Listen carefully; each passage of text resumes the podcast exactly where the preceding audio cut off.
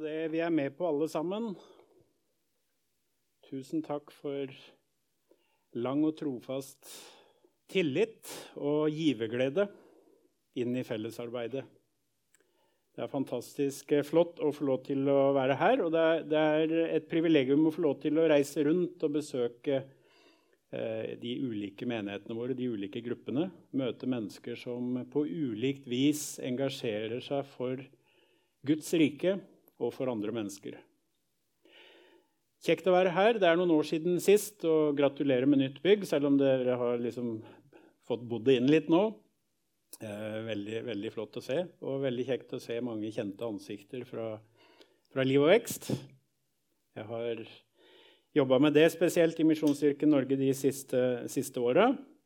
Eh, og før det så har min vei i fellesskapet vært eh, oppvekst i Misjonskirken hjemme i Gjerpen i Skien. Jeg har fått være med på de ulike tinga. Speider, barnekor, juniorarbeid, ungdomskor, ungdomsgrupper, bibelgrupper. Eh, takknemlig til foreldre som, som, tok meg med dit. Og takknemlig for alle ledere, alle frivillige som investerte tid, og som fortsatt investerer tid i barn og unge. Det er utrolig viktig. Og... Jeg har ofte sagt uh, og hatt, hatt som en sånn bakteppe i mitt eget liv Jeg var ni år gammel da jeg, da jeg bestemte meg for å følge Jesus sånn, eh, sånn, litt sånn offisielt. Da hadde vi en kampanje hjemme i menigheten, og da var det Asbjørn Johansen som var pastor hos oss. Uh, og Den gangen så inviterte man fram til forbønn.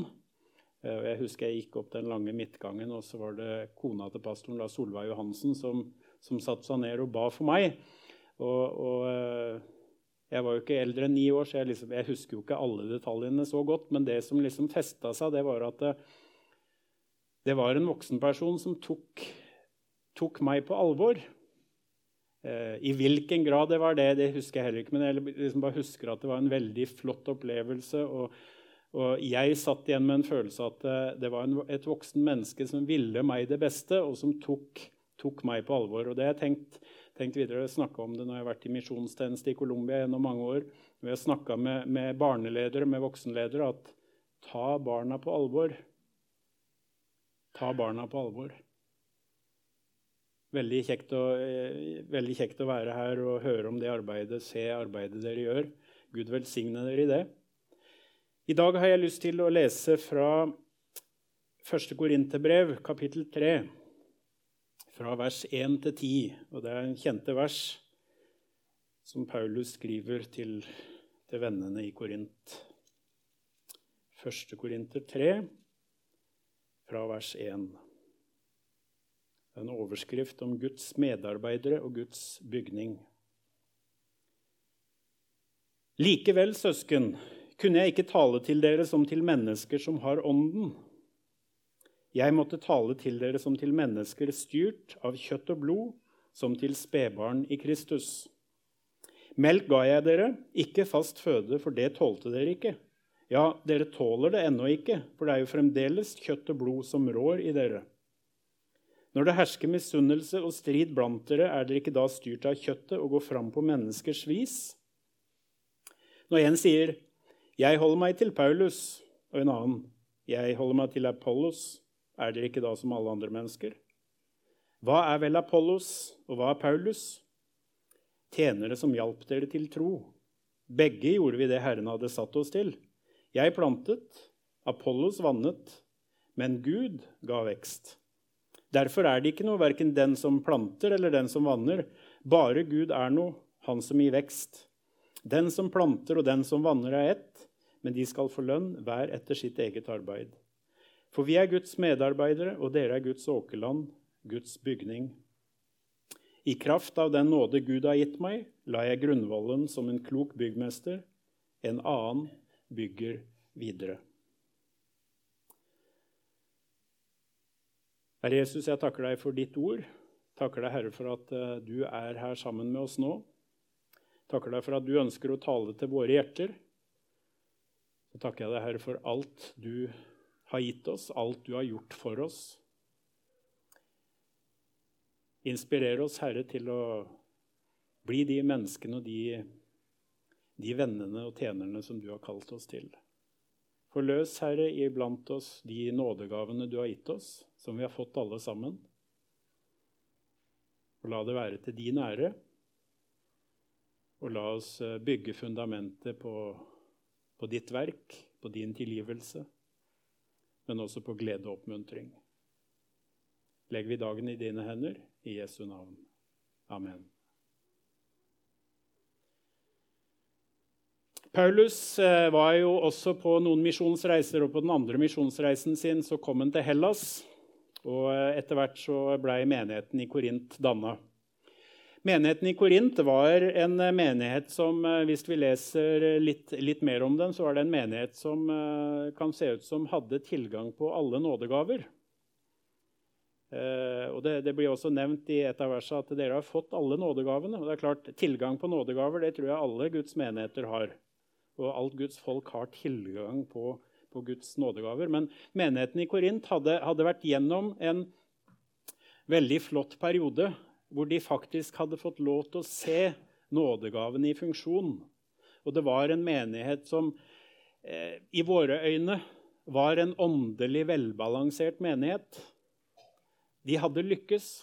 De hadde lykkes med å, med å oppdage den hemmeligheten som Gud har lagt klar for oss, og de mulighetene som ligger i fellesskapet. Og så Allikevel skriver Paulus ganske krast og ganske alvorlig til menigheten.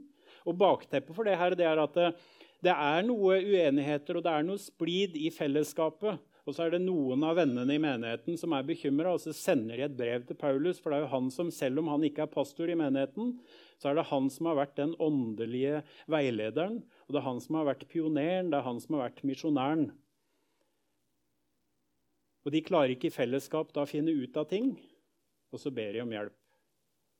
Da kommer Paulus eh, tilbake med et, eh, med et, langt brev hvor han tar opp mange av de ulike tingene. Og det er klart, Noe av, noe noe eh, grunnen til at det er uenighet i menigheten, det er at eh, Korint det, var, det er mange som har kalt det for datidens Hollywood.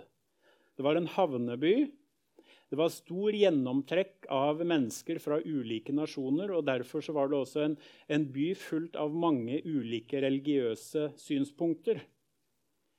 Eh, det var en, eh, en, moderne by da, som, som, eh, som eh, kanskje var mer opptatt av handel og livsnytelse enn av eh, religiøs tradisjon. Og eh, Man kunne se at eh, menigheten i Korint, denne perfekte menigheten som hadde fått alle nådegavene, også hadde blitt influert. Og innad i menigheten så, så, kan vi lese historien om at det, eh, det var til og med menighetsmedlemmer som, som, som hadde vanskelig for å tro at Jesus virkelig hadde oppstått. Det var mennesker der som, som fornekta de åndelige nådegavene. Det var mennesker i forsamlingen som ikke syntes det var så, så, farlig om man levde i seksuell umoral. Og eh, også en annen ting som kanskje er litt vanskeligere i dagens samfunn å forstå, da man hadde ulikt syn på, på offerkjøtt, eller kjøtt som var brukt til ofringer til andre guder. Det var jo noe av det sentrale som de nye menighetene eh, fikk beskjed om å være forsiktig med. Og, og Man skulle f.eks. ikke spise kjøtt som man visste var brukt til ofring til andre guder. Men så, så, vet vi at det var jo ikke kjøtt i seg selv. for at, eh, Det er en, en, historie om det også. Da, at uh, Hvis man spiste eh, et kjøttstykke uten å vite at det var brukt, så var, var ikke, det var ikke farlig, det. Men så lenge man visste at noe var brukt til, til en feil ting, da skulle, vi, da skulle, skulle man ta hensyn til det. Og ikke føre dom over seg selv. Men jeg tenker at denne menigheten, da, som hadde fått alt de hadde tilgang på, og alt de hadde fått løfter om, så lot de seg likevel influere av verdslige tanker. Og på mange måter så kan vi si at eh, menigheten hadde mista Kristus av syne. De hadde opplevd en ubalanse i det. Og jeg tenker, eh, Vi som mennesker det er jo ikke sånn at Hvis vi, hvis vi f.eks. har en nabo som, som lider nød, så er det ikke sånn at eh, vi da som kristne må gå inn i lang tid med bønn og faste for å spørre om det er Guds vilje om vi skal velsigne naboen. Det er, altså det er sånne ting som vi godt kan gjøre. På samme måten så er det veldig naturlig for oss å be for mennesker som er syke, samtidig som vi anbefaler de å holde senga eller oppsøke legen eller ta en, ta en uh, Paracet, f.eks. Altså det, er, det, er, det, det burde være en sånn naturlig balanse mellom det åndelige og det praktiske livet. For det er ikke sånn at så, eh, når vi kommer inn i menigheten, så blir vi bare åndelige mennesker. Vi er jo mennesker av kjøtt og blod som har satt å leve på den her, men vi er invitert inn til et nytt tankesett. Vi er invitert inn til en ny måte å leve livet vårt på. Og det er noe av det som, det som vi virkelig kan, kan løfte fram. At vi har et håp. Det er ikke det at vi er så veldig vellykka som mennesker, men vi har et håp. Vi har noe som, noe som eh, gir oss kraft, noe som gir oss håp, noe som gir oss muligheter. Og det er det vi frimodig skal løfte fram for hverandre. Guds kraft. Paulus ønsker å understreke at eh, mennesker er Guds tjenere med ulike nådegaver. Han, han kunne jo gått inn og, og, tatt på en måte kontrollen og sagt at hei, nå må vi ha en samling i bånn her. Jeg planta denne menigheten her, nå skal dere høre på meg. Men han går ikke inn på den måten. Han går inn egentlig og løfter fram også de andre tjenestene. Jeg syns det er så flott å lese om Paulus, hvordan han på en måte lar de andre slippe til. Selvfølgelig hadde han kraft og autoritet, men han visste hvor den kraften og den autoriteten kom fra. Og Så sier han da til, til menigheten at 'jeg planta', sier han. Han begynner å fortelle litt, minne de litt om historien. Så sier han at 'jeg planta'. Plante jeg synes det er et, eh, et, eh, flott ord å bruke. Og selv om vi nå begynner å nærme oss mai, så er det ikke akkurat så mye som eh, minner om vår når vi kikker ut vinduet bak oss nå. Men den tiden av året her er jo en fantastisk tid. Vi putter et såkorn i jorda, og litt lenger der framme så ser vi at det skjer et resultat av noe. Det kommer fram et nytt liv. Plante det betyr bl.a. å plassere eller å legge, sette, så et frø i jorda. Altså et verb, en aktivitet. Det er noe aktivt vi gjør, og det er, det er den Gud vi kjenner. Han er en aktiv Gud. Han er ikke en Gud som bare eh, skapte jorda, og så, og så trakk han seg tilbake, men han er en aktiv Gud som ønsker deltakelse i våre liv. Jeg tenker at eh, Når man har en planteprosess, så er det, det er mange viktige elementer, men det er tre spesielle eh, elementer. Det ene det er såkornet. Hva er det som skal plantes? Og, og, De fleste av oss vet såpass om planting at hvis vi setter et hvetekorn i jorda, så kommer ikke gulrøtter der om noen måneder. Såpass, eh, vi, såpass er vi enige om. Og alt det arbeidet f.eks. vi gjør i menigheten, det som vi gjør i dag, det vil vi se resultatet av lenger fram.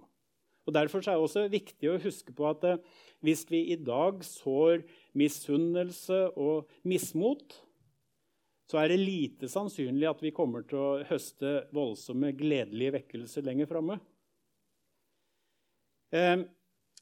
Vi var vitne til en veldig spesiell valgkamp i USA i fjor. Det er ikke første valgkampen hvor man har brukt mye tid på å snakke ned motkandidaten. Men, men jeg tenker allikevel hvilke langtidskonsekvenser får et samfunn som har ledere som oppfører seg på den måten? Og hvilket, hvilket ansvar har vi som mennesker?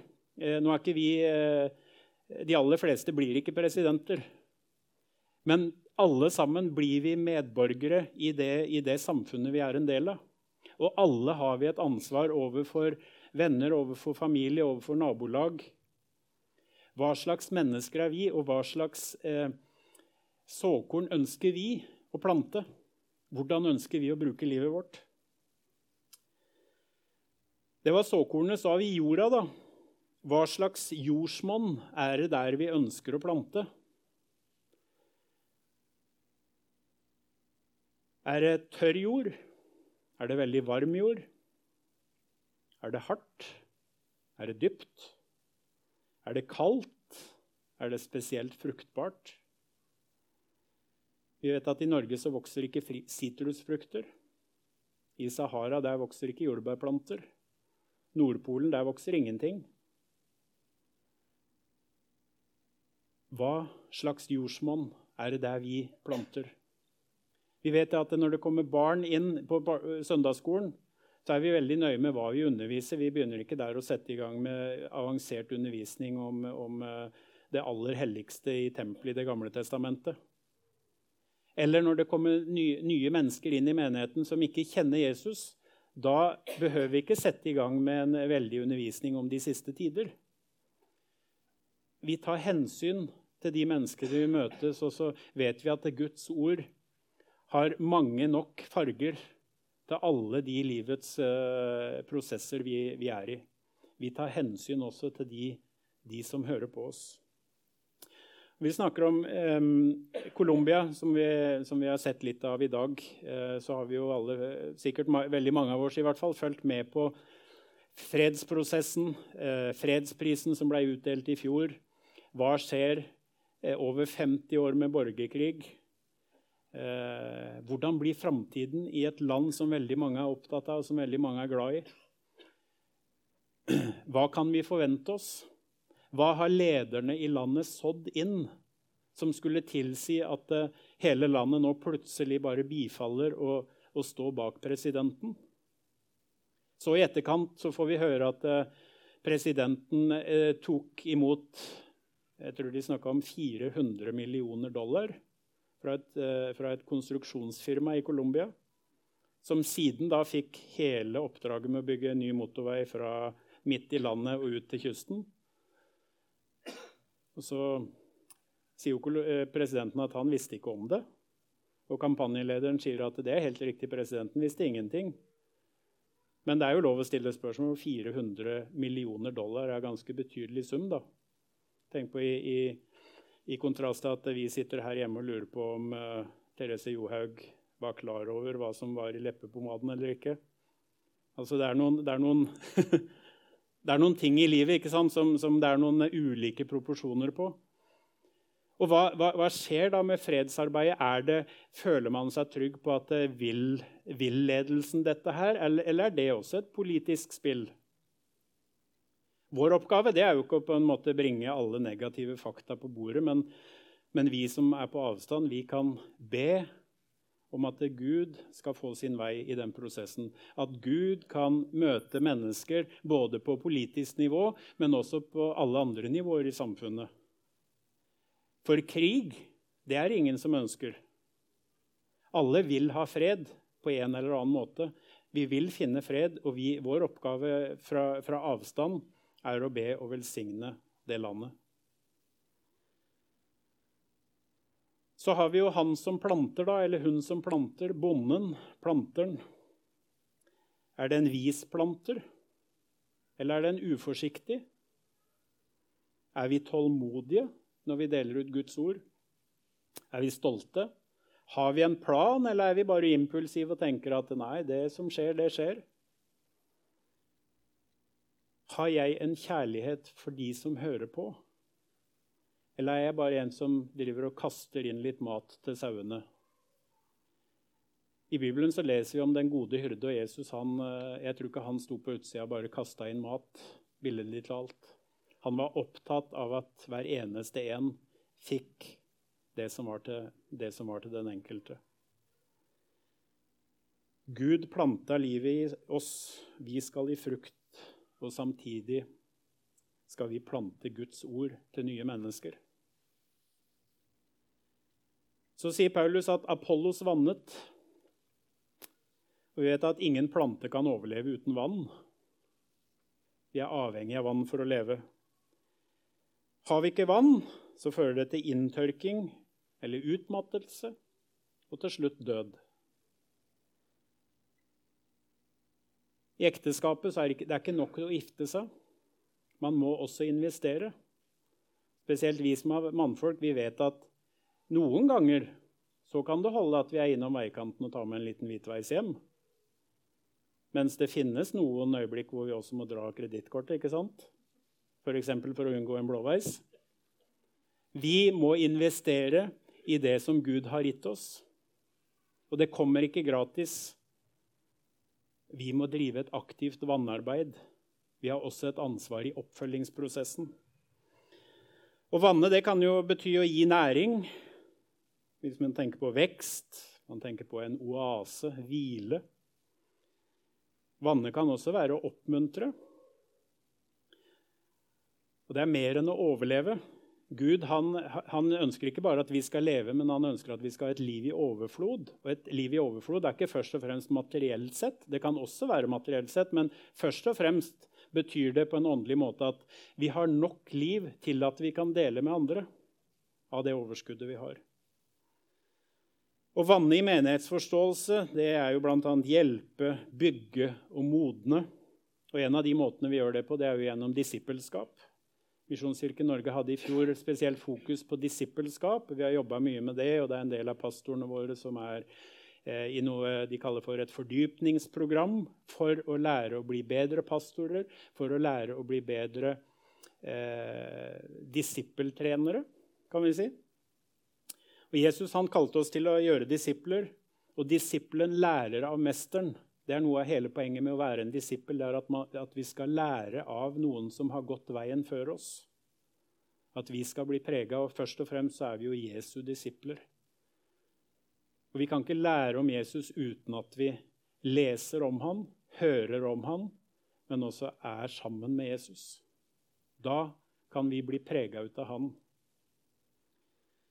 Undervisning er jo en annen ting, men ikke bare for nyfrelste, men for hele menigheten. Vi kan ikke bare drikke melk, som Paulus uh, sier til korinterne.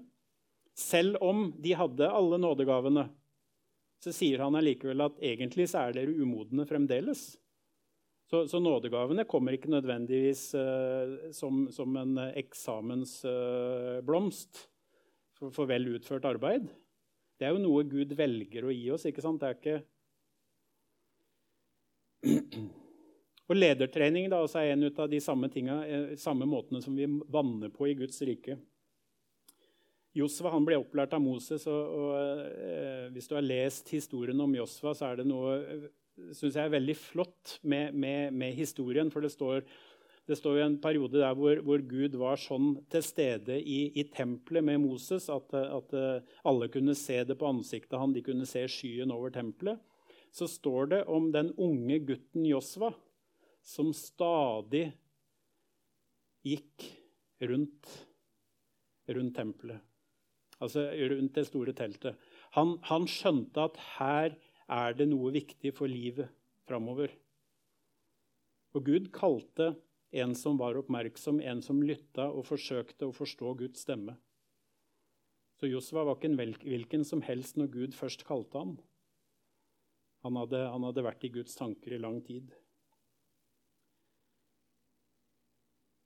Når Paulus eh, sier at han planta, men Apollos vanna, så var det egentlig for å forklare. For at eh, Paulus drev jo også med vanningsarbeid, og Apollos drev helt sikkert også med plantingsarbeid. Men poenget var jo at eh, det må ikke være sånn at vi har grupperinger i menigheten som, som holder seg til de ulike menneskene. Det er først og fremst Jesus vi skal følge. Og så har vi jo selvfølgelig et kall om å ha en orden og et, et ansvar i menigheten. Men først og fremst er det Jesus Kristus vi følger. Og Paulus, som hadde muligheten egentlig på en måte til å bygge sitt eget imperium, han peker jo nettopp på det er Jesus vi tjener, og det er Guds rike vi tjener. Selv om noen har sterkere gaver, selv om noen, selv om noen har mer å si, så er det først og fremst Guds rike vi tjener alle sammen. Så sier han jo til slutt at 'men Gud ga vekst'. Vi leser jo den kjente salmen eh, hvor det står at 'hvis Herren ikke bygger huset, arbeider bygningsmennene forgjeves'. Jeg tenker at Det er utrolig viktig å tenke på i alt vi gjør. Fordi at det er ikke bare de største menighetene, de største bygga eller de største medlemsmassene som nødvendigvis gjør mest av Guds arbeid. Alt vi gjør som Guds barn, alt vi gjør, så lenge vi gjør det med et åpent hjerte for Gud, så er det til velsignelse i Guds rike. Kanskje ikke vi ser det akkurat i år. Kanskje det tar lengre tid. Men Guds ord det vender ikke tomt tilbake. Jeg fikk besøke, besøke søsterkirken vår i Hongkong nå i oktober. Da reiste vi også en uke inn i Kina. Og uh, I Kina hadde vi misjonærer fra 1899 til 1951. Da ble misjonærene våre jagd ut pga. kommunistene. Men da hadde vi misjonærer altså i Kina i over 50 år. Og det var en opptelling. Var i, Inne i Kina var vi i én spesiell provins. Det var fem landsbyer eller byer som vi hadde misjonærer i. Vi besøker de hovedmenighetene i de byene hvert eneste år. I 1956 så talte man ca. 40 000 kristne. I 2010 så var det en ny opptelling, og da mente de at det tallet var tidobla. Rundt 400 000. Nå har det gått enda syv år til. Jeg vet ikke når neste, neste telling blir.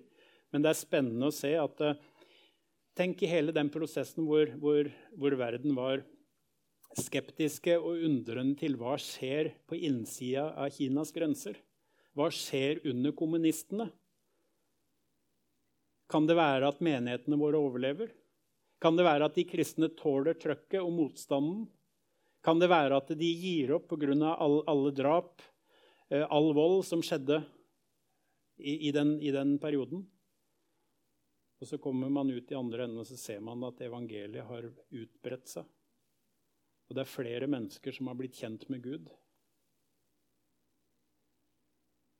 I februar fikk, fikk jeg være med på første besøk til Kongo. Og vi fikk treffe noen ut av pastorene våre i Kongo. Kongo er sånn eh, omtrent like mange mennesker som i Norge. Rundt 4,5 millioner mennesker. 4,5-5 millioner. I Kongos evangeliske kirke, som er, som er, det arbeidet vi har stått i, så er det mellom 300 og 400 000 mennesker hver søndag som går i våre kirker. I det lille landet. Det er, det er jo ikke langt unna 10% av befolkningen. Jeg syns det er helt fantastisk. Og så treffer jeg en av pastorene i en landsby da, som sier at han uh, hadde vært i den landsbyen et halvt år. For, uh, da, det var langt ut på landsbygda, nord i landet.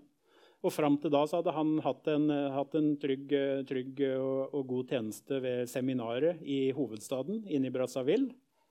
Men han fikk en telefon fordi han er pastor i Kongos evangeliske kirke. Så fikk han en telefon hvor hvor hovedstyret da sa at tusen takk for den flotte tjenesten du har gjort ved, ved, seminaret, men om tre måneder da trenger vi deg nord i landet. Så lykke til. jeg lurer på for min egen del hvor, hvor, hvor dypt sitter kallet mitt? Hvor villig er jeg til å gå utenfor de rammene som jeg sjøl har satt opp rundt, rundt mitt eget liv? Jeg, jeg så på beundring på, på, de her menneskene som Og jeg tenkte at eh, hvis du er villig til å bryte opp fra alt det faste, ta med deg familien ut i noe helt ukjent, ut i en annen region, kanskje altså et annet fylke, en annen kultur Den overbevisningen der, den trenger vi mer av. Og hvis så mange av dere har det, da må det jo bety at en sånn overbevisning i livet er tilgjengelig for alle. Ville jeg tro. Og jeg tenker, Kan det kanskje være noe av grunnen til at det vokser så veldig? At det tross alt er mange som setter Guds kall før sine egne premisser? Jeg har fått lov til å overnatte hos Britt og i, i, natt. Og, vi satt ved, og Jon Karsten og vi satt og snakka litt om, om arbeidet i Hongkong på morgenen i dag. Annie Skau, som da ble sendt ut fra Kina i 1951. Sammen med alle de andre misjonærene reiste hun tilbake til Norge. Og hvor lett hadde det ikke vært å si at ja, ja, da gjorde jeg det jeg kunne helt til vi mista muligheten. Så da finner jeg meg en jobb her i Norge, og så, og så og så hadde jeg noen år som misjonær. Og så får jeg finne ut hva Gud vil her. Og så slapp de ikke taket, for hun kjente en nød for, for det kinesiske folket. To år etterpå så reiser hun tilbake til, til Hongkong og jobber i en flyktningleir. For pga. kommunistene så, så, er det mange kinesere som flykter ut av Innlandskina og inn i en usikker framtid i fattigdom i Hongkong. Og så oppstår en stor flyktningleir. Så reiser uh, søster Annie tilbake dit sammen med en kollega. Hvis du leser historien hennes, så, så jobba de ut fra et bitte lite trehus som sto der. Og det var såpass dårlig forfatning at en dag så forteller søster Annie at eh, det knaka i gulvet, og hun gikk rett gjennom, rett gjennom gulvet. Men i, den, i, det som var flyktningleir den gangen, så finnes det i dag et sykehus som heter Håpets havn, som har 2000 arbeidere. Og de holder på å bygge ut og snart har de 3000 arbeidere. På et sykehus som kanskje ikke hadde eksistert om ikke det hadde vært for at ett menneske sa at ja, omstendighetene ble jammen litt endra underveis, men kallet fra Gud, det er det samme. Jeg tenker Det er utrolig interessant å, å lese og, å være sammen med mennesker som, som, som som har kjent Guds stemme, som har hørt Guds stemme, og som har handla på det. Vi trenger vekst for å bli modne. Paulus sa det at eh, du er ikke moden for det om du har en nådegave. Modenhet i Guds rike handler om helt andre ting. Alle som er foreldre, vet at det er en velsignelse av barn i huset. Men en dag så vil velsignelsen være når de flytter ut fordi at de da finner sitt eget liv. ikke sant? De, da vet vi at ja, de har gått den veien som alle, som alle skal gå. Og nå har de kommet fram til et punkt i livet hvor de ikke er barn lenger. Det er jo det vi ønsker. Selv om jeg gruer meg til sistemann flytter ut. Jeg gruer meg til det. Men det kan godt være at jeg tenker litt annerledes om noen år. Vi trenger vekst for å gi frukt. Jeg sa det Gud ønsker at vi skal gi velsignelse til andre mennesker. Og åndens frukter det er ikke bare for å gjøre mitt liv rikere, men det er for at vi skal tjene i fellesskapet. Og til sist så er det for å skape enhet. Vi kjenner at der hvor to eller tre er samla i mitt navn, der er jeg midt iblant dere, sier Jesus. Når vi går sammen om noe, så skjer det noe spesielt. I 2010 da var, hadde den gangen Misjonsforbundet. Da hadde vi rett over 90 medlemmer, eh, medlemsmenigheter. Vi var faktisk ikke så langt unna 100. Eh, nå, noen år etterpå, vi, eh, begynner vi å nærme oss 90. Altså, vi, har en, vi har hatt en nedgang i antall menigheter. Og det er fordi vi har hatt veldig mange menigheter som, eh, som, eh, har eh, eid et bygg, og som har hatt en to-tre medlemmer igjen som, som, etter hvert har kommet på sykehjem, eldrehjem. Men man har holdt liv i menigheten i håp om at noe skulle skje. Og så har det, har det, har det da blitt noen færre menigheter den siste tiårsperioden. Men på samme tid, da, hvis vi går tilbake til 2010 så skjedde det noe veldig spesielt på generalforsamlingen til Misjonsforbundet i, den gangen i Oslo. For da var det noen som hadde snekra sammen en plan som de kalte for Vekst 2020. Jeg leste gjennom den planen før jeg reiste som representant fra, fra hjemmeenheten min i, i, Skien. Og så tenkte jeg at det var da voldsomme planer. Her er det noen som har drukket mye tran. Men så kom jeg da på generalforsamlingen, og så fikk jeg høre de forklarte hva som, hva som hadde vært prosessen. Og da tenkte jeg det her høres veldig spennende ut. Og det her er ikke bare en sånn hårete plan som, som, liksom ikke har rot i virkeligheten. For det var jo ikke sånn at eh, Poenget var at vi skulle doble medlemsmassen totalt sett. Men man gikk inn på menighetsnivå og sa hva kan vi gjøre her i menigheten. da? Kunne vi, kunne vi, tørre å tenke det at i løpet av ti år så kan kanskje møtebesøket, gudstjenestebesøket, doble seg? Kanskje kan barne- og ungdomsarbeidet vårt doble seg? Er det mulig å tenke på ti år?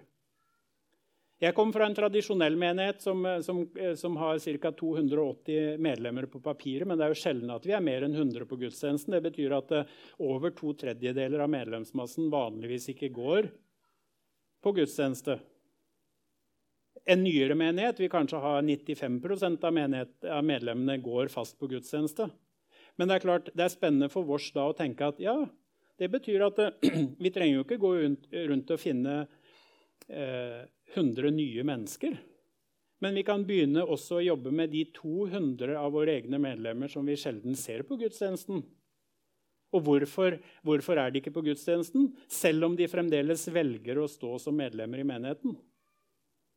Kan det være at det er noen gamle sår, at det er noen gamle historier som, som gjør at Nei, jeg gidder ikke gå for at den er leder, eller den skal tale der, eller det er forresten noe veldig deilig med å bo i Colombia, for det er ikke noen møteannonser, så du vet aldri hvem som skal preke. Stort sett så er det pastoren da, så er det ikke så veldig spennende. Men, men, i Norge så er det jo ofte sånn at vi sitter og leser møteannonsen. Å, skal han preke der, eller skal hun preke? Da tror jeg jeg reiser dit eh, den søndagen. Mens når vi har kjent gleden av en lokalmenighet, da, så vet vi at uh, det er her Gud har kalt oss. Men det er det som er spennende med den Vekst 2020-tankegangen. Fordi at det plutselig så klarte vi å sette ned på papiret noe vi ville jobbe sammen om. Noe vi ville skulle identifisere oss. Og så ser vi det at I 2010 så hadde vi menighets, et menighetsplantingsprosjekt. Det er mulig det var en to-tre, men, men, eh, sånn offisielt så, så, tror jeg de snakker om at det var ca. én sånn kjent gruppe. I dag, syv år etterpå, så snakker vi om totalt sett en 14-15 grupper. Og jeg synes Det er utrolig inspirerende. og Når jeg sier at vi er ca. 90 menigheter i dag, så betyr det at vi, er, og vi var, 100, vi var 100 for ti år siden, så har vi mista mer enn ti. Men det er bare at vi har klart å bygge opp og fått noe nye også, som ikke engang var planta i 2010, og som i dag har, har gått gjennom å være en gruppe, til å bli en planteprosess og etter hvert til å bli en menighet i fellesskapet vårt. Jeg hørte nå sist, eh, sist tall fra Kristiansand bare i byen Kristiansand så, så regner de nå med ca. 2600 møtebesøkende i våre misjonskirker en vanlig søndag. Det er fantastisk. Jeg tenker, Jo, det er, det er spesielt i Bibelbelt og i, på, i Kristiansand. og det, det, er ikke sikkert det er like lett andre steder i landet. Men la oss bli inspirert, da. La oss tenke at det er mulig. Så har jeg lurt litt på I 2010 hvor mange av de som står i menighetsplantinger i dag, var sammen med oss? Er det sånn at vi gikk ut og leita litt hos pinsevennene, litt hos baptistene, litt i metodistkirken for å finne menighetsplantere? Jeg vet hva? De aller fleste som står midt i menighetsplantinger, de var også i fellesskapet vårt i 2010. Flere av de var der i 2005. Mange, mange av de var også der i 2000. Det betyr at vi har jo hatt den tilgjengeligheten liggende hos oss i lang tid.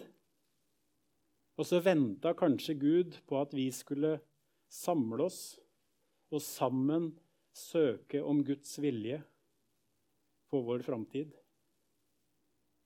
Så har mennesker stått fram, og noen har kommet fram og sagt at ja, kanskje Gud kan bruke meg, da.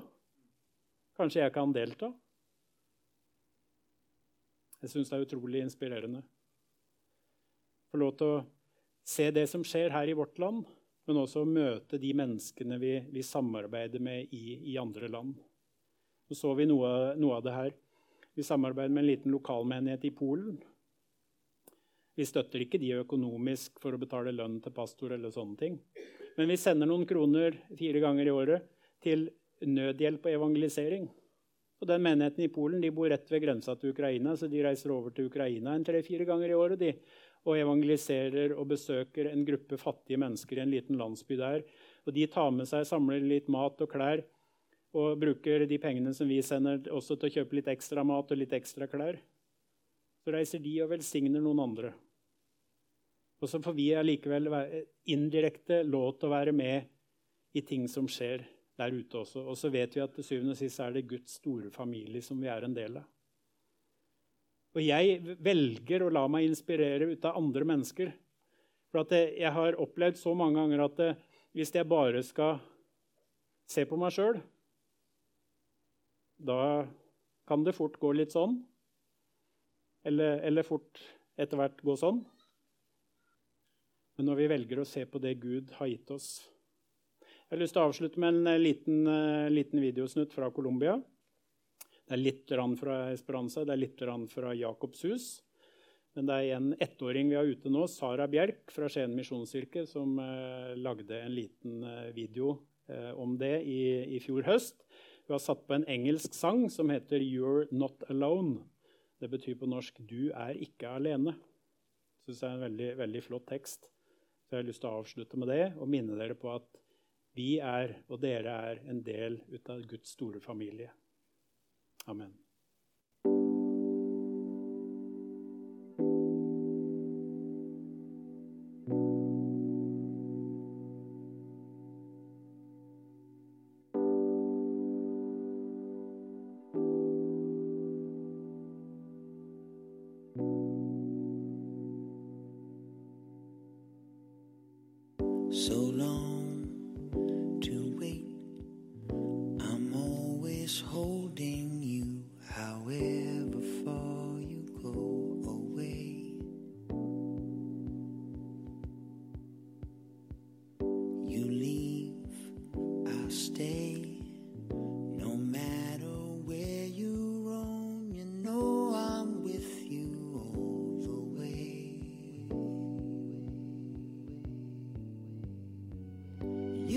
be a lot of things, but you're not a